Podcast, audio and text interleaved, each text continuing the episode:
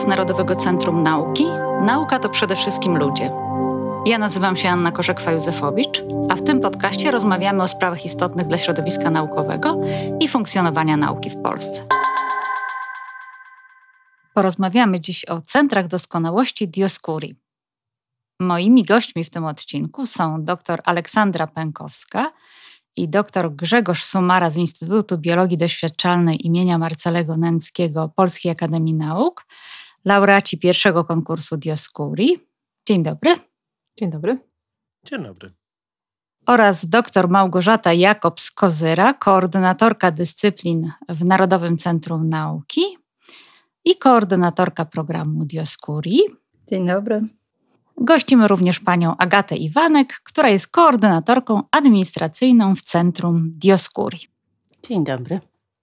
Już parę razy padło tutaj to hasło Dioscuri. Za chwilę wyjaśnimy, cóż ono oznacza. Według mitologii greckiej Dioskurowie to symbol prawdziwej braterskiej, bliźniaczej więzi. A czym są centra doskonałości Dioscuri? Gosiu? Centra Doskonałości Naukowej Dioscuri to znacznie więcej niż projekt. Ideą centrów jest ich szerokopłaszczyznowe spoglądanie na problem naukowy, badawczy i również szerokie, szerokopłaszczyznowe odpowiedzi, które mieszczą w sobie dalsze projekty naukowe, a lider jest takim super kierownikiem, który spina te wszystkie tematy. Centra Doskonałości Naukowej to też synonim samodzielności naukowej i jakości. A odnosząc się do tego filozoficznego ideału braterskiej więzi, to nie chodzi tylko o współpracę polsko-niemiecką między dwoma instytucjami, jakim jest Narodowe Centrum Nauki i Max Planck Gesellschaft, ale też o to, że e, liderzy centrów pracują z partnerem naukowym z Niemiec, e, mają wspólne finansowanie płynące z dwóch stron, ale też są zakotwiczeni w jednostce przyjmującej. No właśnie, skupmy się na tym, bo y, zaczęłaś tak z wysokiego C, a skupmy się na podstawach. Jest to program stworzony przez dwie instytucje. Tak, Narodowe Centrum Nauki i Max Planck Gesellschaft w Niemczech. I na czym polega współpraca tych dwóch instytucji w tym programie? Wspólne finansowanie centrów, jest ich aktualnie osiem.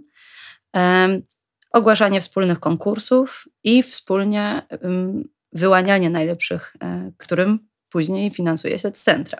A skąd się wzięła w ogóle taka inicjatywa tworzenia centrów Dioscuri przez instytucję polską i niemiecką? No, była to inicjatywa Ministerstwa Nauki i Szkolnictwa Wyższego, e, która ten pomysł e, powierzyła nam jako e, agendzie ministerialnej po to, żeby porozumieć się z partnerem niemieckim i stworzyć zasady konkursów dla, takiego, dla takich centrów naukowych. Bazowaliśmy w, na idei tak zwanych centrów Minerva, Centrum Doskonałości Minerva, które są niemiecko-izraelską współpracą e, na najlepsze, dla najlepszych, e, ale na tej bazie e, wypracowaliśmy swój własny model. Okej, okay. powiedziałaś, że tych centrów jest już osiem. Ja przedstawiłam laureatów pierwszego konkursu, z którymi za chwilę też porozmawiam. A wszystkie centra gdzie funkcjonują? Państwo są z Dęckiego, a wszystkie pozostałe centra? Poza tymi dwoma wymienionymi przez panią, mamy jeszcze dwa centra topologii w matematyce. Jednym e, kieruje dr e, Mikołaj Frączyk w zakresie spacerów losowych w geometrii i topologii. Zaś drugim dr Paweł Dłotko e, jest to Centrum Doskonałości Naukowej Topologicznej Analizy Danych. Mamy jeszcze laboratorium oddziaływania RNA białko, kierowane przez doktora Gracjana Michlewskiego, w międzyczasie profesora Gracjana Michalskiego oraz Centrum Chemii i Fizyki Bakterii kierowane przez Bartłomieja Wacława, jak również Centrum zajmujące się strukturą, strukturalną dynamiką receptorów kierowanego przez doktora Przemysława Nogłego na Uniwersytecie Jagiellońskim oraz Centrum Modelowania Modyfikacji Potranslacyjnych kierowane przez doktora Mateusza Sikorę również na Uniwersytecie Jagiellońskim. Dobrze, czyli dobrze liczę, mamy osiem centrów, y, wszystkie osiem w Warszawie i Krakowie, to już e, w tyle głowy pojawia mi się ten, e, e, to hasło, ten niepokój. Zawsze, kiedy mm, pojawia się kontekst Narodowego Centrum Nauki i Warszawy i Krakowa, to zaraz pojawia się też zarzut, że znowu finansowani są naukowcy z tych miast. Więc Państwa zapytam, dlaczego Nęcki, dlaczego Warszawa? Przede wszystkim, kiedy wybieraliśmy, myślę, że tutaj e, Ola ma to samo zdanie na ten temat, kiedy wybieraliśmy instytut, w którym chcielibyśmy kontynuować naszą przygodę z nauką, kierowaliśmy się głównie tym, jakich będziemy mieli kolegów, co możemy zrobić, jaki oferuje, jaki sprzęt jest nam oferowany. I tutaj, tutaj jak gdyby wybieraliśmy to, co będzie najlepsze dla naszych badań naukowych. Dla mnie, ja osobiście pochodzę z Krakowa, ale akurat Instytut Nęckiego zaoferował lepszą infrastrukturę dla moich badań i to było dla mnie decydujące. A dla pani doktor? Ja akurat łączę w moich badaniach podejścia wysokoprzepustowe, które są, no wprowadzimy, wprowadzamy je w Polsce w tym momencie w wielu ośrodkach. Niemniej jednak łączę te podejścia wysokoprzepustowe z, z badaniami nad e, zwierzętami i Instytut Nęckiego jest najlepiej uprasowany ku temu, żeby właśnie takie badania prowadzić, więc podobnie u mnie w, w przypadku naszego centrum. No właśnie. Tu musimy jeszcze powiedzieć, Gosiu, dopowiedzieć o, o, warunkach, jakie trzeba było spełnić, żeby można było w tym konkursie na Dioscuri e, wziąć udział. Bo Państwo przyjechali z zagranicy. Mhm. I to jest właściwie przypadek, e, że wszyscy nasi liderzy pochodzą z Polski, dlatego że konkurs był otwarty i reklamowany dla najszerszego grona międzynarodowego, grona naukowców, a ogłoszenie pojawiło się w takich bardzo prestiżowych e, publikatorach na całym świecie. Ale w zasadzie my tak do tego podchodzimy, że nauka nie zna granic, e, a konkurs miał bardzo wygórowane warunki, dlatego że naukowiec ubiegając się o rolę lidera Centrum Dioscuri musiał uzyskać stopień doktora najpóźniej 15 15 lat przed złożeniem wniosku, czyli celowaliśmy do młodych naukowców, ale już z pewnym bagażem doświadczeń. E, nie mógł te ostatnie dwa lata wcześniej być zatrudniony w jednostce, do której się ubiegał, do której aplikuje i musi e, współpracować z niemieckim partnerem. A oprócz tego, oczywiście, ocena była jakości naukowej dla tych wybitnych. E, w Państwa wypadku ten powrót oznaczał powrót z Niemiec i z y, amerykańskiego ośrodka, tak? tak. Dobrze pamiętam. Y, czy ten konkurs na Dioscuri był jakimś takim magnesem, który Państwa przyciągnął? Czy to był dodatkowy impuls, jeden z wielu czynników? Rozważali Państwo wcześniej ten powrót? Czy, czy, czy to było jakoś tak decydujące? Ja rozważałam powrót do Europy i uczestniczyłam w innych rekrutacjach, nie tylko akurat w tej, ale warunki tego grantu i sama idea przyciągnęły mnie i postanowiłam dołączyć do tego projektu. Ze mną było podobnie. E, rozważałem różne instytucje naukowe w Europie, również w Polsce. Natomiast tutaj program Dioscuri na pewno skatalizował no, moją decyzję i e, pomógł mi e, w osiągnięciu tego, co, co, co, co, co chciałem zawsze robić. Osiągnięciu tego, co chciał Pan robić. Ja jeszcze muszę dodać, że zajmuje się Pan badaniem molekularnych podstaw chorób metabolicznych, tak. takich jak otyłość, cukrzyca typu 2 i miażdżyca, między innymi. Tak, prawda? tak. Dr Aleksandra Pękowska kieruje Centrum Doskonałości Biologii Chromatyny i Epigenomiki. Państwa projekty zostały wybrane w pierwszym konkursie, który był ogłaszany w 2017 roku, rozstrzygany w 2018. Te centra zainaugurowane zostały jeszcze rok później. E, to już jest dość e, taki konkretny okres, kiedy te centra pracują. Ile z tych Państwa założeń pierwotnych udało się już e, zrealizować, uwzględniając, że sam grant jest, jak rozumiem, na 5 lat? A w moim przypadku e, nadal pracujemy nad e, naszymi zadaniami badawczymi, większość już została zrealizowana. Jesteśmy w trakcie przygotowania publikacji naukowych, więc dane, które zdobyliśmy na przestrzeni ostatnich no, prawie czterech lat, pozwalają nam mm, proponować nowe hipotezy i iść dalej w tym kierunku, który obraliśmy na początku i pozwalają nam budować nowe projekty, więc. Mm.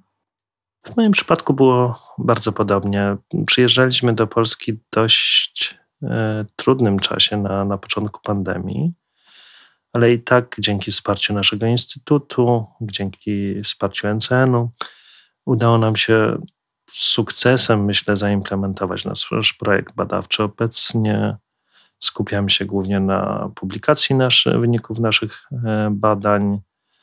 E, również mamy kilka projektów e, związanych z komercjalizacją naszych odkryć. A gdybyśmy jeszcze wyjaśnili naszym słuchaczom trochę prościej, czym Państwo się w tych badaniach zajmują? Bo wydaje mi się, że molekularne podstawy chorób metabolicznych i E, ewolucyjna i funkcjonalna genomika astrocytów to nie są hasła jakoś czytelne dla szerokiej społeczności. Zajmujemy się wykrywaniem zmian i jakie zachodzą w tkance tłuszczowej, w jelitach w czasie rozwoju otyłości. Takim głównym celem jest zidentyfikowanie tych molekuł, które zmieniają swoją aktywność, zmieniają swoją ekspresję i próby ich e, targetowania jako cele w e, leczeniu otyłości i chorób z tym związanych. Czyli jak gdyby najpierw skupiamy się na danym procesie, próbujemy odkryć zmiany, jakie zachodzą w fizjologii, zmiany, jakie zachodzą w, e, na poziomie molekularnym, a później próbujemy e, modyfikować te zmiany e, w celu leczenia otyłości i chorób z nią związanych. Nasze badania w, w kontekście właśnie um, projektu Dioscuri skupiają się na ewolucji mózgu i my w naszych badaniach patrzymy na ten problem z e, zupełnie innej perspektywy. E, otóż większość naukowców skupia się na komórkach, które przewodzą bodźce, czyli na neuronach, na komórkach, które wszyscy znamy, prawda? One, one leżą u podstaw aktywności mózgu, natomiast nas interesują komórki, które opiekują się neuronami, astrocyty właśnie, o których Pani wspominała. I astrocyty um, wiemy od lat, że morfologicznie zmieniły się w sposób diametralny w toku ewolucji. Natomiast podstawy, geny, regiony DNA, które odpowiadają za właśnie te, tę zmianę w toku ewolucji, są nieznane i my właśnie szukamy e, interesujących genów, e, które mogą nam mm, naświetlić w, wkład astrocytów w ewolucję mózgu. I co ciekawe, wiele z tych genów, które odkrywamy, które zmieniły swoją aktywność w toku ewolucji, są związane z chorobami mózgu. I interesuje was, nas właśnie ten, to połączenie między ewolucją, czyli czymś, co zyskaliśmy w toku ewolucji e, mózgu, a, zmianami e, chorobowymi.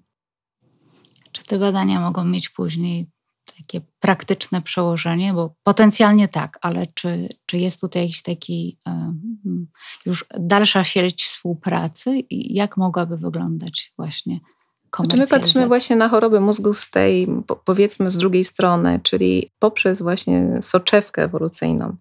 I dzięki temu, y, i dzięki temu, że używamy przeróżnych technologii w naszych badaniach, możemy lepiej poznać funkcje genów które często no, są nieznane po prostu. Genów jest bardzo dużo w naszym, w naszym genomie i, i nie znamy funkcji wszystkich tych, tych no, wszystkich genów. Więc e, wierzymy w to, że patrząc poprzez właśnie ten pryzmat ewolucji, możemy szybciej się dowiedzieć, e, co dane geny tak właściwie, za co odpowiadają w komórce. No i znaleźć ewentualnie punkty interwencyjne, jak to mówimy w naszym żargonie, które mogłyby pozwolić nam um, z jednej strony lepiej diagnozować chorobę, a z drugiej strony lepiej je leczyć. Jest taka nadzieja, jest. E, używają Państwo dużo liczby mnogiej. Mówią Państwo my, bo oprócz liderów to e, całe zespoły. Ile osób pracuje w Państwa zespołach? W tym momencie w moim zespole pracuje dziewięć osób, łącznie ze mną. Są to osoby na różnych stopniach kariery, e, osoby już z doktoratem, które mają dość spore doświadczenie naukowe, e, jak również doktoranci i osoby techniczne. A to są osoby, z, które wcześniej e, jakoś były związane z tym ośrodkiem naukowym, czy, czy Państwo dodatkowo rekrutują? To są osoby z Polski, przyciągani z zagranicy. Jak to wygląda? W moim, konkretnie w moim zespole jest jedna osoba, która wcześniej była związana z Instytutem Nęckiego. Większość e, osób pochodzi z zagranicy. Są z, z Hiszpanii, z Meksyku do niedawna, z Ukrainy, z Rosji, z Libanu. Także, także mamy bardzo, bardzo międzynarodowe środowisko. Słuchacze tego nie widzą. Pani doktor na palcach liczy, ilu ma członków zespołu, więc ilu członków zespołu jest w Pani centrum? Łącznie ze mną jest nas 12, e, natomiast rekrutujemy, dlatego, dlatego nie miałyśmy pewności. E, I też są to ludzie głównie z zewnątrz, e, młodzi. I mamy też paru obcokrajowców w grupie. A jak e, zarządzanie takim centrum wygląda z perspektywy koordynatorki administracyjnej? E, jest to na pewno ciekawe zadanie i wyzwanie. Ja przyznam szczerze, że Centrum Dioscuri jako takie jest wyjątkowym projektem i niedawno dołączyłam do zespołu i otrzymałam też ogromne wsparcie zarówno e, od koordynatorów z NCN-u, jak i ze strony niemieckiej. E, więc to, ta współpraca jest nie tylko na tle naukowym, również administracyjnym. E, a koordynacja, no myślę, że, że w porządku. No. Jest całkiem ciekawie i interesująco. A cóż będzie się działo później? Bo tak jak powiedzieliśmy, Państwa projekty są już zaawansowane, e, granty są na 5 lat. Jaka jest perspektywa później? Co po Dioskuri w Państwa przypadku? E, to znaczy, żeby uściślić z tego, z tego, co jest zapisane w naszych umowach, centra Dioscuri po czterech latach będą poddane ewaluacji i jest możliwość przedłużenia finansowania o kolejne pięć lat. Cóż po tym? No, oczywiście, jak wszyscy naukowcy, zależymy od grantów. Tutaj NCN jest chyba głównym źródłem, znaczy nie chyba, jest głównym źródłem finansowania dla naszych badań w Polsce i bardzo liczymy na to, że NCN będzie dalej się rozwijał i działał równie prężnie jak do tej pory. Tak, do tego wątku jeszcze za sekundkę wrócimy. E, Gosia na początek powiedziała, że centra mają, e, były wzorowane, czy mają no, swojego poprzednika w Izraelu. E, jest też podobny model realizowany w Czechach, prawda? Mhm. Dioskuri w Czechach to tak naprawdę druga edycja tego programu, patrząc z perspektywy naszego partnera niemieckiego, dlatego że to Max Planck Gesellschaft e, jest tym głównym motorem napędowym e, drugiego konkursu, czy drugiej, drugiej edycji programu Dioskuri ponieważ u podstaw e, całej idei Centrum Dioscuri e, leży takie spojrzenie na środkową i na centralną Europę e, i podnoszenie jakości badań właśnie w tym rejonie. W związku z tym Polska tutaj wystąpiła w roli znowuż lidera w tym rejonie, gdzie założone zostały pierwsze centra. Kolejny kraj to Czechy i toczą się rozmowy o tym, żeby zrobić trzecią edycję i dalsze edycje e, programu Dioscuri w innych krajach tego rejonu właśnie. E, na takim wydarzeniu, na którym były e, ogłaszane nazwiska kolejnych laureatów Dioscuri, które było rok temu, pamiętam, że pan ambasador Niemiec ówczesny mówił o wspólnym promowaniu najzdolniejszych badaczy obu krajów, tak aby znaleźli odpowiedzi na palące pytania mieszkańców Europy. Tak definiował cele Dioscuri. Na inauguracji centrów jako takich w 2019 roku minister Jarosław Gowin, wicepremier, jak znalazłam, powiedział coś takiego. Przyszłość i sukces centrów Dioskurii będą zależeć od ścisłej współpracy obu krajów zaangażowanych w ten program Polski i Niemiec. Centrów na razie mamy osiem. Tych pierwszych deklaracjach mowa była o stworzeniu dziesięciu centrów, czyli wydaje się, że mamy szansę, mielibyśmy szansę zaprosić naszych słuchaczy do udziału w kolejnym konkursie. Jak to teraz wygląda? Tak, wspomniałam, powstało i tak pani wspomniała, powstało osiem centrów. Proszę pamiętajmy też o tym, że mieliśmy jeden tak zwany pusty konkurs, to znaczy w trzeciej edycji nie wyłoniliśmy żadnych centrów, ponieważ nie zgłosili się kandydaci, którzy odpowiadaliby tym wymaganiom doskonałości, a w chwili obecnej projekt jest rzeczywiście zawieszony i na ten moment nie planujemy dalszych konkursów na Centra Doskonałości Naukowej Dioskurii, ale zobaczymy oczywiście, co przyniesie przyszłość. Wiemy jednakże, że współpraca naukowców polskich, niemieckich układa się znakomicie. W końcu finansują, sfinansowanych wniosków e, w NCN od 2011 do 2023 to aż 841 wniosków, gdzie współpraca polsko-niemiecka jest centralna. I dodajmy do tego jeszcze 8 centrów doskonałości naukowej Dioskurii. Także e, jako Narodowe Centrum Nauki wspieramy współpracę polsko-niemiecką. Jest ona widoczna i silna. I polscy naukowcy często i chętnie współpracują z niemieckimi naukowcami i vice versa. De facto w większości naszych krajowych konkursów można zaplanować współpracę polsko-niemiecką i współpracę międzynarodową i to się dzieje. Mamy szereg konkursów takich jak WIF czy Beethoven, który został wcielony w WIWA czy Opus Lab. E, oraz szereg innych. Oczywiście brakuje nam aktualnej kontynuacji konkursów Dioskurii, ale nie ustajemy w działaniach na rzecz współpracy polsko-niemieckiej i nauki bez granic. No właśnie, bo musimy tu dodać, że program jest w jakimś sensie zawieszony, prawda? Ale szansa, że, że jeszcze e, ten konkurs zostanie ogłoszony jest i NCN no, czyni zabiegi, żeby tak się w przyszłości stało. Jest to kwestią Oczywiście. E, woli politycznej, tak naprawdę, prawda? Obu E, stron. Ostatnie wszystkie moje nagrania, o czym by się nie rozpoczęły i, i, i, czego by nie dotyczyły, kończyły się właściwie konkluzjami dotyczącymi budżetu i, i no, kondycji finansowej NCN-u.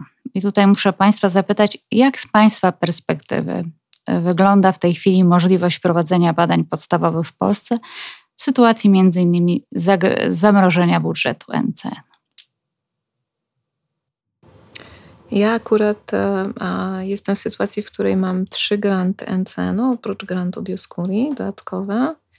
I, e, I w tym momencie właściwie mam zabezpieczone następne 4 do 5 lat e, funkcjonowania laboratorium i właśnie w kontekście tego programu Dioskurii, e, który ma łączyć i tworzyć centra doskonałości, które będą się rozwijać w wielu, na wielu płaszczyznach. Tak właśnie też moje centrum się rozwija na wielu płaszczyznach i oprócz projektu związanego z genomiką ewolucyjną astrocytów patrzymy również na bardzo fundamentalne aspekty funkcjonowania jądra komórkowego. Więc pod tym względem NCN jest dla mnie centralnym e, e, miejscem, do którego składam wnioski grantowe, ponieważ jest to nauka fundamentalna. E, w tym momencie, tak właściwie kończąc jeden z pierwszych grantów, które zdobyłam e, jeszcze w 2020 roku, e, no już nie będę miała okazji przez następne 4 do 5 lat aplikować o grant NCN. Uważam, że jest to szkoda, bo ten grant wygenerował następne hipotezy i bardzo ciekawe dane, które chcielibyśmy rozwijać, a nie będziemy mieli możliwości przez następne parę lat aplikować do NCN-u o środki na rozwijanie tych badań. Także tak z mojej perspektywy. Znaczy, mam bardzo podobne zdanie na ten temat. NCN jest dla nas głównym źródłem finansowania, głównym źródłem finansowania badań podstawowych, ponieważ są w Polsce agencje, które finansują inne badania bardziej rozwojowe. Natomiast jeżeli chodzi o badania podstawowe, NCN jest główną instytucją. E, realizuję dwa inne duże projekty NCN-owskie w tym momencie w moim laboratorium. Również nie będę miał możliwości aplikowania kolejne przez najbliższych chyba 3,5 roku ze względu właśnie na opuszczenia e, w ilości grantów, które, które zostały niedawno wprowadzone. E, nieco jestem zaniepokojony brakiem rewaloryzacji środków NCN-u w związku z, no jednak z dość sporą inflacją, którą w tym momencie mamy. E, to się odbija również na problemach w rekrutacji członków zespołu, ponieważ te, te pensje, które możemy zaoferować, są relatywnie, relatywnie niskie. No, również oczywiście wszystkie czynniki, wszystkie koszty związane z badaniami naukowymi wzrosły, więc tutaj, tutaj zwłaszcza jeżeli chodzi o granty, które dostaliśmy jakiś czas temu, jest e, pewnego rodzaju problem. Znaczy, jesteśmy w stanie realizować te, te badania, natomiast e, no, wymaga to pewnej kreatywności i również wsparcia ze strony naszego instytutu. E, dodajmy dla naszych słuchaczy, że NCN wprowadza pewne ograniczenia w liczbie składanych wniosków i realizowanych grantów, a te ograniczenia E, jak e, zostały na razie wprowadzone tymczasowo i no, mają związek właśnie z trudnościami budżetowymi. Miejmy nadzieję, że w niedługim czasie ten problem uda się rozwiązać i też jakby wątpliwości, o których Państwo mówili i, i trudności, z jakimi Państwo się mierzą, e, też uda się rozwiązać dzięki no, zdjęciu takich ograniczeń. Jeszcze jedną rzecz muszę dopytać, wracając do samego Dioscuri. Gosiu, mm, wszystkie e, centra zajmują się naukami e, ścisłymi lub naukami o życiu. Mm, a co z naukami humanistycznymi i społecznymi? Mhm. Otrzymaliśmy oczywiście też wnioski e, z tych obszarów i z tych dyscyplin. Niemniej jednak mm, na pewnym etapie oceny, a przypomnijmy, że ocena e, w Dioskurii, merytoryczna ocena składała się z trzech etapów. E, dwa etapy recenzyjne i jeden etap e, rozmów kwalifikacyjnych. Po prostu na ostatnim z etapów nie spełniły tych bardzo wygórowanych warunków doskonałości naukowej, no, które, które oczekiwaliśmy. Mamy nadzieję też, że zmieni się ta sytuacja patrząc na konkurs w Czechach, więc może być tak, że E, to czescy koledzy e, zadbają bardziej o obszar humanistyczny i społeczny. E, I też liczymy oczywiście na to, że współpraca między polskimi naukowcami a czeskimi centrami będzie się też układać, więc myślę, że w taki sposób może będziemy w stanie troszeczkę zrównoważyć no, ten niedosyt, który odczuwamy oczywiście e, związany z tym. No i oczywiście liczymy, że też w przyszłości, że jednak uda się e, jeszcze stworzyć dwa kolejne centra. Nie wiemy kiedy, ale może kiedyś się uda. No i tutaj wysyłamy intensywny i mocny sygnał do naszych e, wnioskodawców z tych obszarów HS. A na jakim etapie jest ten czeski konkurs i, i, jakie są te możliwości współpracy polskich naukowców, mhm. potencjalne możliwości z, z, w ramach tych czeskich centrum? Mhm. No podobnie rekrutacja e, do zespołów, e, wspólne publikowanie, e, współpraca ponad, że tak powiem, ponad centrum albo też po prostu tematyczna. Na jakim jest etapie? No jest na etapie oceny merytorycznej w tym momencie. Czyli czekamy na czekamy ostateczne rozstrzygnięcie, tak, w mhm. których można się spodziewać w tym, tym roku. roku. Dobrze. Czy jakieś uwagi dodatkowe, sugestie? O czymś zapomnieliśmy, coś pominęliśmy? Ja może bym chciała podkreślić jeszcze to, co się tutaj pojawiło, że Centra Doskonałości Naukowej są taką świetną formułą do tego, żeby dawać e, zatrudnienie też młodym naukowcom i miejsc, dawać miejsce na budowanie karier i na budowanie wyspecjalizowanej kadry naukowej, której nam tutaj w Polsce przez szereg lat brakowało. I dziękujemy naszym laureatom, liderom za to, że sta stają się takimi e, wyspami ściągającymi wybitnych e, do siebie i dają im możliwości rozwoju. A pamiętajmy, że właśnie jeden projekt czy jedno centrum to nie jest tylko jeden kierownik. To jest zazwyczaj ich też otoczenie naukowe i e, ten sukces jest zbudowany z wielu, z wielu wybitnych osób, które stoją czasami też w tle, więc podkreślmy może jeszcze to, o czym już też wspomniałyśmy na początku, ale że tu mamy do czynienia z wybitnymi polskimi naukowcami, którzy wrócili z ośrodków zagranicznych, czyli no taki odwrócony drenaż mamy. Popraw mnie, jeśli się mylę. Wrócili z Niemiec, Szwajcarii, e, Stanów Zjednoczonych, Wielkiej Brytanii. Czy skądś jeszcze? Jeszcze Austria się pojawiła, tak. Jeszcze Austria. No więc właśnie, wydaje się, że e, jest to doskonały e, program, który powinien zyskiwać wsparcie także w przyszłych latach. Dziękuję bardzo. Dziękuję. Dziękuję. Dziękuję. W następnym odcinku podcastu NCN będziemy kontynuować tematykę międzynarodową. Porozmawiamy o konkursach organizowanych przez NCN we współpracy z innymi agencjami i zachęcać polskie zespoły do aktywnego uczestnictwa w tych programach. Dziękuję.